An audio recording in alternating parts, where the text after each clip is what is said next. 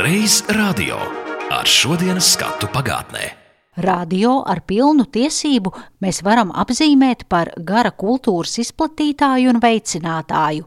Mazajā aparātā ir pieejama tautas augstskola, koncertzāle, parlaments, avīze, deju un simfoniju orķestris, baznīca, sporta laukums – viss, kas klausītāji vien var interesēt. Tā par radiofonu darbību tā pirmajos piecos gados ir teicis toreizējais radiodirektors dzēnieks Jānis Akurāters. Savā 95. dzimšanas dienā redzam, ka šīs radio pamatfunkcijas nav mainījušās. Tajā pašā laikā radio mainās, aug, veidojas. Atskatīsimies uz šiem 95 gadiem.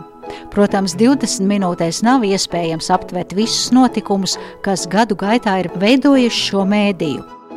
Mēs pārlaposim vēsturi, aplūkojot dažus no zīmīgajiem pieturspunktiem Latvijas radio skanēšanas ceļā.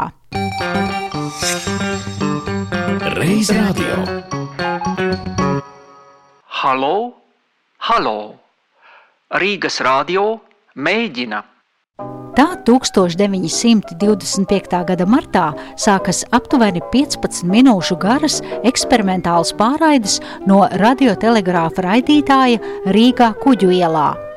Bet runājot par mūsu radio sākumu, ir jāmin 1924. gada 28. marts, kad Saimas budžeta komisija nolemj piešķirt 140 tūkstošus latu radiofona stacijas izveidēji.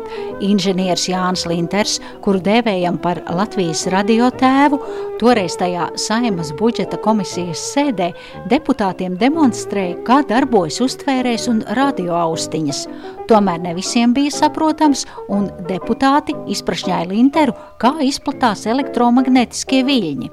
Vai ir jāatver durvis un logi, lai tie viļņi varētu iekļūt telpā? Jauno raidstaciju nolēma iekārtot pasta un telegrāfa virsvaldes ēkā aiz operas nama. Vēlāk šo ielu gar kanālu nosauca par radio ielu.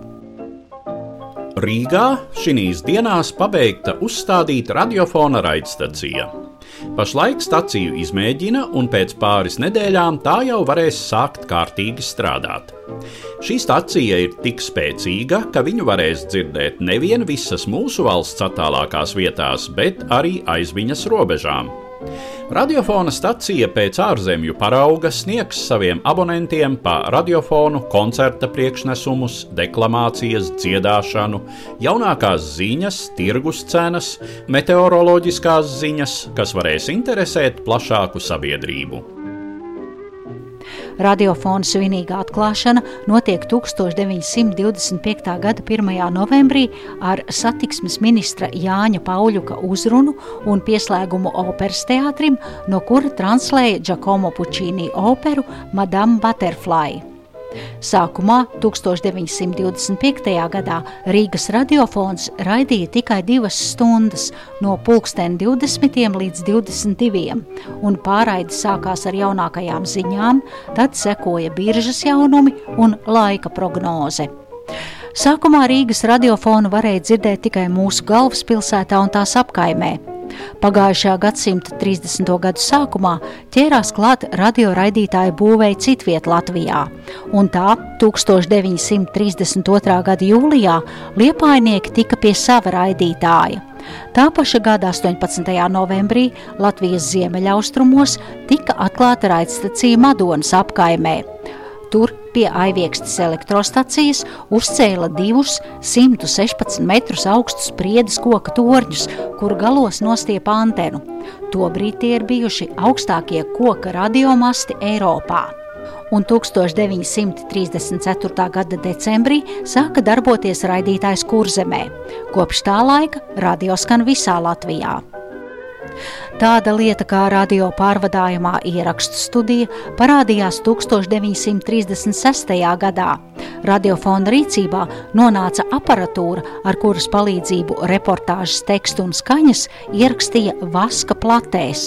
Šādu ierakstu varēja tūlīt atskaņot, taču plates izmantošanas laiks bija ļoti mazs. To varēja lietot aptuveni no 10 līdz 20 reizēm, līdz plate nodila. Un tā, ejot tālāk pa pavasara pēdām, mēs nonākam Andrejostā. Un te arī atrodam to, ko meklējam. Ledlauz lāčplēs. Laipojot pāri laipām, mēs pamazam nonākam uz klaja un arī sameklējam kapteini. Un tas lāčplēs mums skaitās kapteinis Rodiņš.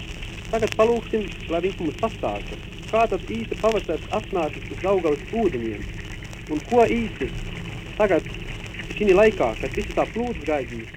tā 1940. gada pavasarī izklausījās reportāža no Rīgas ostas. 1940. gada vasara ievieš krasas pārmaiņas visā Latvijas valstī.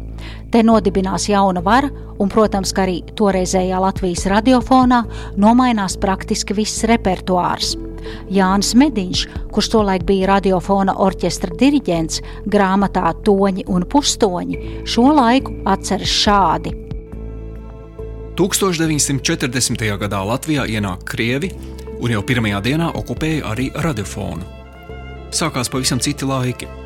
Pirmais uzdevums, ko saņēma pēc krievu ienākšanas, bija nokopēt no plates Dunajevska padomju neoficiālo himnu Varen plaša mana zeme dzimtā ko vajadzēja spēlēt katru vakaru programmu beidzot.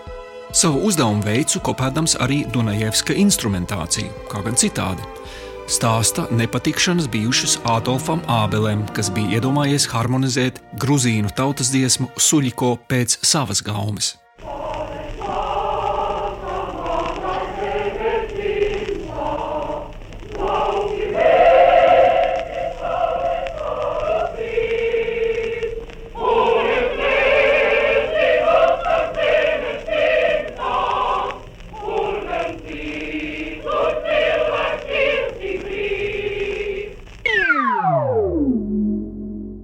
Uz vispārējā haosa un traģikas fona valstī radio dzimst jauna muzikālā apvienība ar kvalitātes zīmi no paša sākuma līdz mūsdienām.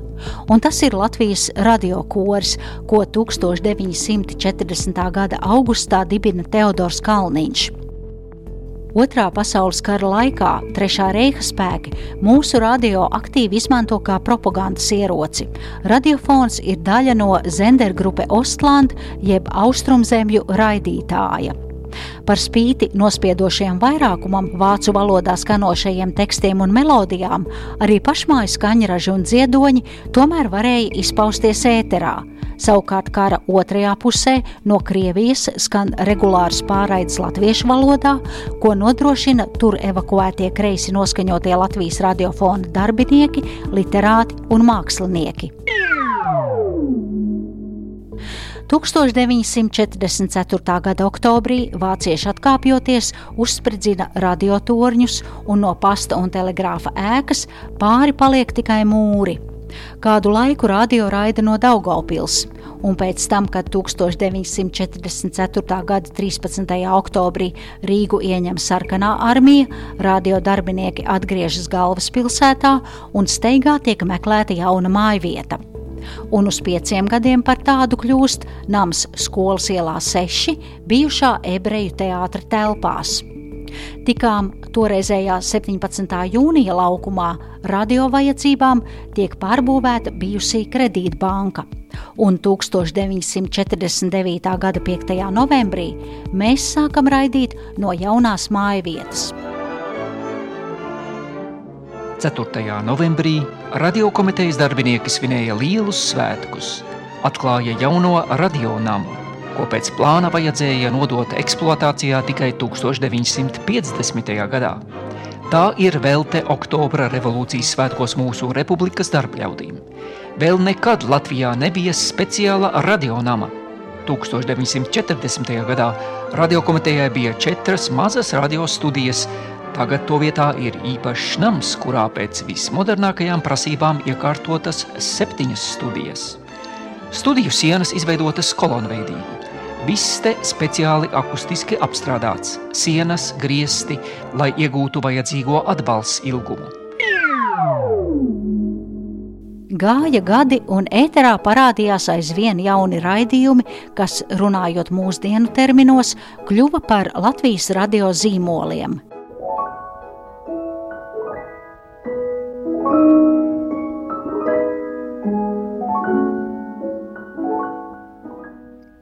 Labvakar, mazo draugiņu!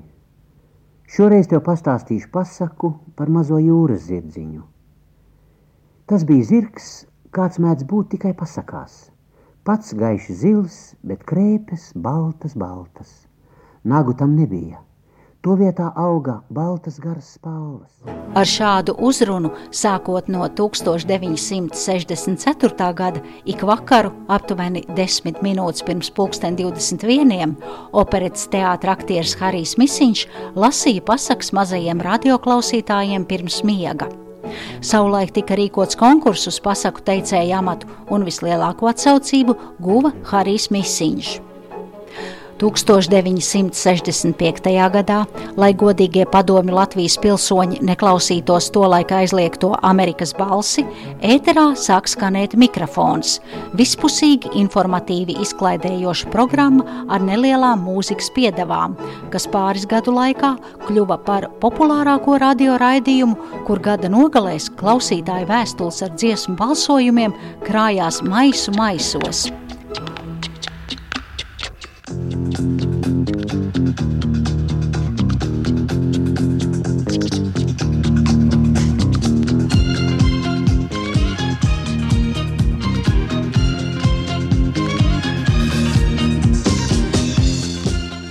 Uzmanību, uzmanību!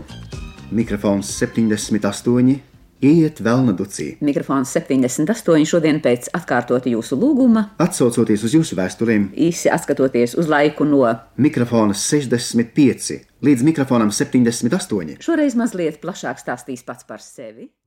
1978. gada ierakstā dzirdam, kā klausītājs uzrunāja mikrofona vadītāji Ausma Indriksone un Gunārs Jākapsons. 1966. gadā norit pirmā starptautiskā translācija. Tā bija Bukarestas kausa izcīņa hokejā, un tā arī bija pirmā tiešraides translācija sporta komentētājam Gunāram Jākapsonam. Bukarestas komandas vārtiem ļoti sasprindzināta spēle. Saku meties vārtiem, rīznieka met un līpaiet garām Bukarestas komandas vārtiem. Peripas pašlaik Bukarestieši savā aizsardzības zonā. Tas ir Jonesku. Jonesku izspēlē ātri Vargam. Varga ripu zaudēja rīznieku atlidot Suduklā. Sekos 88 metiens. Met! Met! Skaisti! Salcevičs izspēlē Repsim. Repsis izdevīgā momentā pie saviem vārtiem. Tiešais ēters. Tava pārteikšanās izskan publiski. Tā, atļaujiet uzsākt balsu skaitīšanas rezultātu nolasīšanu. Pirmais apgabals Andrejs Panteļējevs par. Otrais vēlēšana apgabals Ruta Marjaša par. Trešais vēlēšana apgabals Vilnis Eglājs par. Tā pirms 30 gadiem, 1990. gada 4. maijā, skanēja ārpusē pie saimas, toreiz augstākās padomas ēkas. Iekšpusē notika balsu skaitīšana, lai pieņemtu deklarāciju par Latvijas Republikas neatkarības atjaunošanu. Tad sekoja 1991. gada janvāris barikāžu dienas, kad ap radio pulcējās tauta, sargāja un klausījās mūs. Atvainojiet, sveicināti! Īpašo kārtības sargu vienībās komandieris Valdemārs Attēs redzu. Šeit pie brīvības pieminekļa. Ir tā? Ir tā, jā. Nu, Tas sakiet, kā, kā šodien mums iet? Šodien iet, pagaidām iet labi, bet it kā nāk armijas mašīnas nāk no viņu galu. Un kas no tā ir gaidāms? No kā no, no tā var sagaidīt visu? Viņiem nekas nav sēts. Un sakiet, kā mēs rītdienai gatavojamies? Rītdienā mēs gatavojamies stingri. Un tad pienāca augusta puča dienas, kad radiotorni Ulbrokā ieņēma omonieši, bet translācijas tīklā no slepena raidītāja Salaspilī turpina pienākt ziņas par apvērsumu. Pēc divām dienām radio atkal atsāka ierasto raidīšanu, un pirmā klausītājas uzrunāja diktore Māra Eglīte. Uzmanību, uzmanību! Ēterā Latvijas radio pirmā programma. Ēterā Latvijas radio pirmā programma. Mēs skanam visos viļņos, viļņos 520,8 metri, 222 metri, 211 metros un ultra īsviļņos. Klausieties mūs visos šajos viļņos. Mēs esam atkal savās mājās. Šī gada 1. aprīlī ceturdaļ gadsimta jubileju nosvinēja latviešu mūzikas kanāls Latvijas Rādio 2, kas sāka skanēt 1995. gadā, kad vairāki radio mūzikas redakcijas darbinieki un jauniešu raidījumu veidotāji apvienojās kanālā 99,5 ar saukli, kam vēl nav simts, tas var. Tā paša gada 1.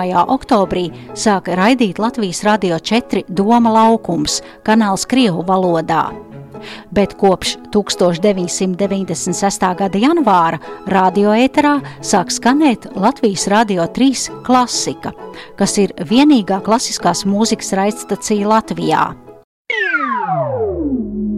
Pirms septiņiem gadiem sāka raidīt jauniešu kanāls Radio 5, taču tāds pamatīgs zīmols, ar ko daudziem un ne tikai jauniešiem asociējas 5 LV, ir igadējs labdarības maratons Dot 5, kad adventa laikā radio DJ nedēļu raida no īpašas stikla studijas, tādējādi pievēršot uzmanību konkrētai labdarības maratona izraudzītai grupai vai sabiedriski nozīmīgai tēmai. Ik viens tiek aicināts ziedot līdzekļus apmaiņā pret mīļāko dziesmu radio ēterā. Divas dienas līdz Ziemassvētkiem, nepilna dienas līdz mirklim, kad stikla studijas durvis atvērsies. Un tad jau pavisam, pavisam drīz arī pats stikla studija pazudīs. Tā it kā it nekas nebūtu bijis. Bet labie darbi, mūsu visu kopīgie labie darbi paliks. Un tas šajā gadījumā ir pats svarīgākais. 54 371 eiro. Saziedot līdz šim. 2018. gada vasarā mūsu radioēkā sāk darboties multimediju studija, un šajā viedo ierīču laikmetā radio var ne tikai dzirdēt, bet arī redzēt un lasīt. Un pateicoties mūsdienu tehnoloģijām, šī gada pavasarī, iestājoties ārkārtas situācijai saistībā ar Covid-19 vīrusa uzliesmojumu, daudzi radiodarbinieki sāk strādāt attālināti un viens no pirmajiem, kuram īsā laikā mājās tiek iekārtot radiostudija, ir raidījuma pēcpusdiena vadītājs Tālis Eipurs. Izejot tieši no šīs vajadzības, no tā, cik ilgi tas būs jādara, kas tieši jādara, es atradu tehniskus risinājumus internetā un radio. Atradās pietiekami saprātīgi cilvēki, kuri domāja līdzīgi kā es par to, nākotnes vīziju, un es varu pilnībā šobrīd raidījumu, protams, kā ar zināmām niansēm, raidīt attālināti. Man ir jāatvainojas arī klausītājiem, jo šad un tad tieši tās attālinātības dēļ ir arī zināms nobīdes uh, laikā, tādā ziņā, ka tu uzdod jautājumu un intervējamais uh, atbild pēc uh, sekundes vai pussekundes pauzes, un ir grūtāk arī tad, kad viņš beidz savu loģisko domu uzdot jautājumu, jo cilvēks nerēķinās ar tīri instinktīvi ar šo pauzi, un tad tā saruna kādreiz sanāk tāda nedaudz samaisīta.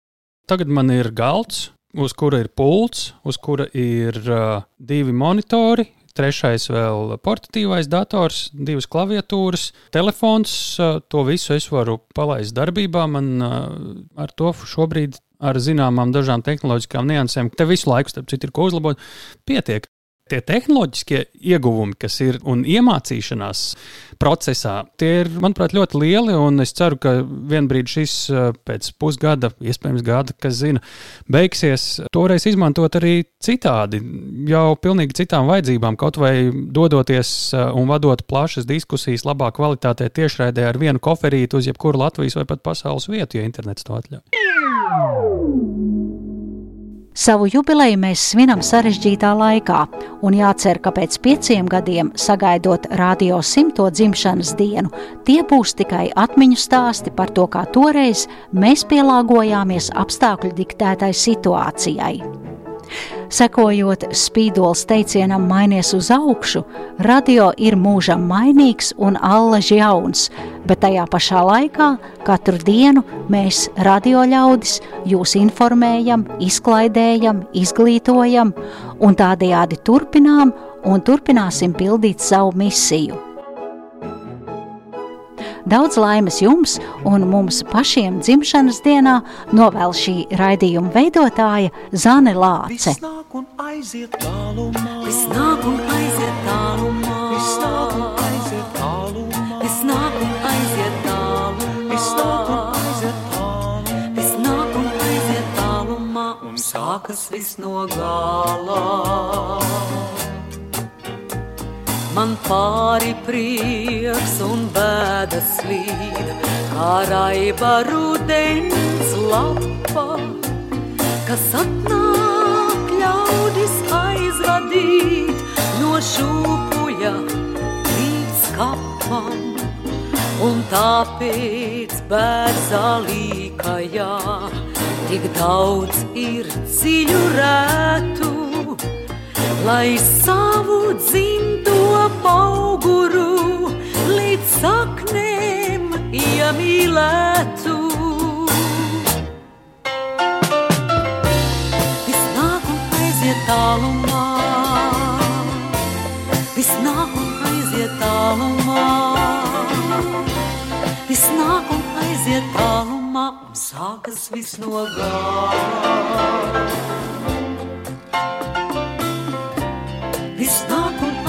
Tālumā, viss nāk un aiziet tālumā, viss nāk un aiziet tālumā, un sākas viss no gala.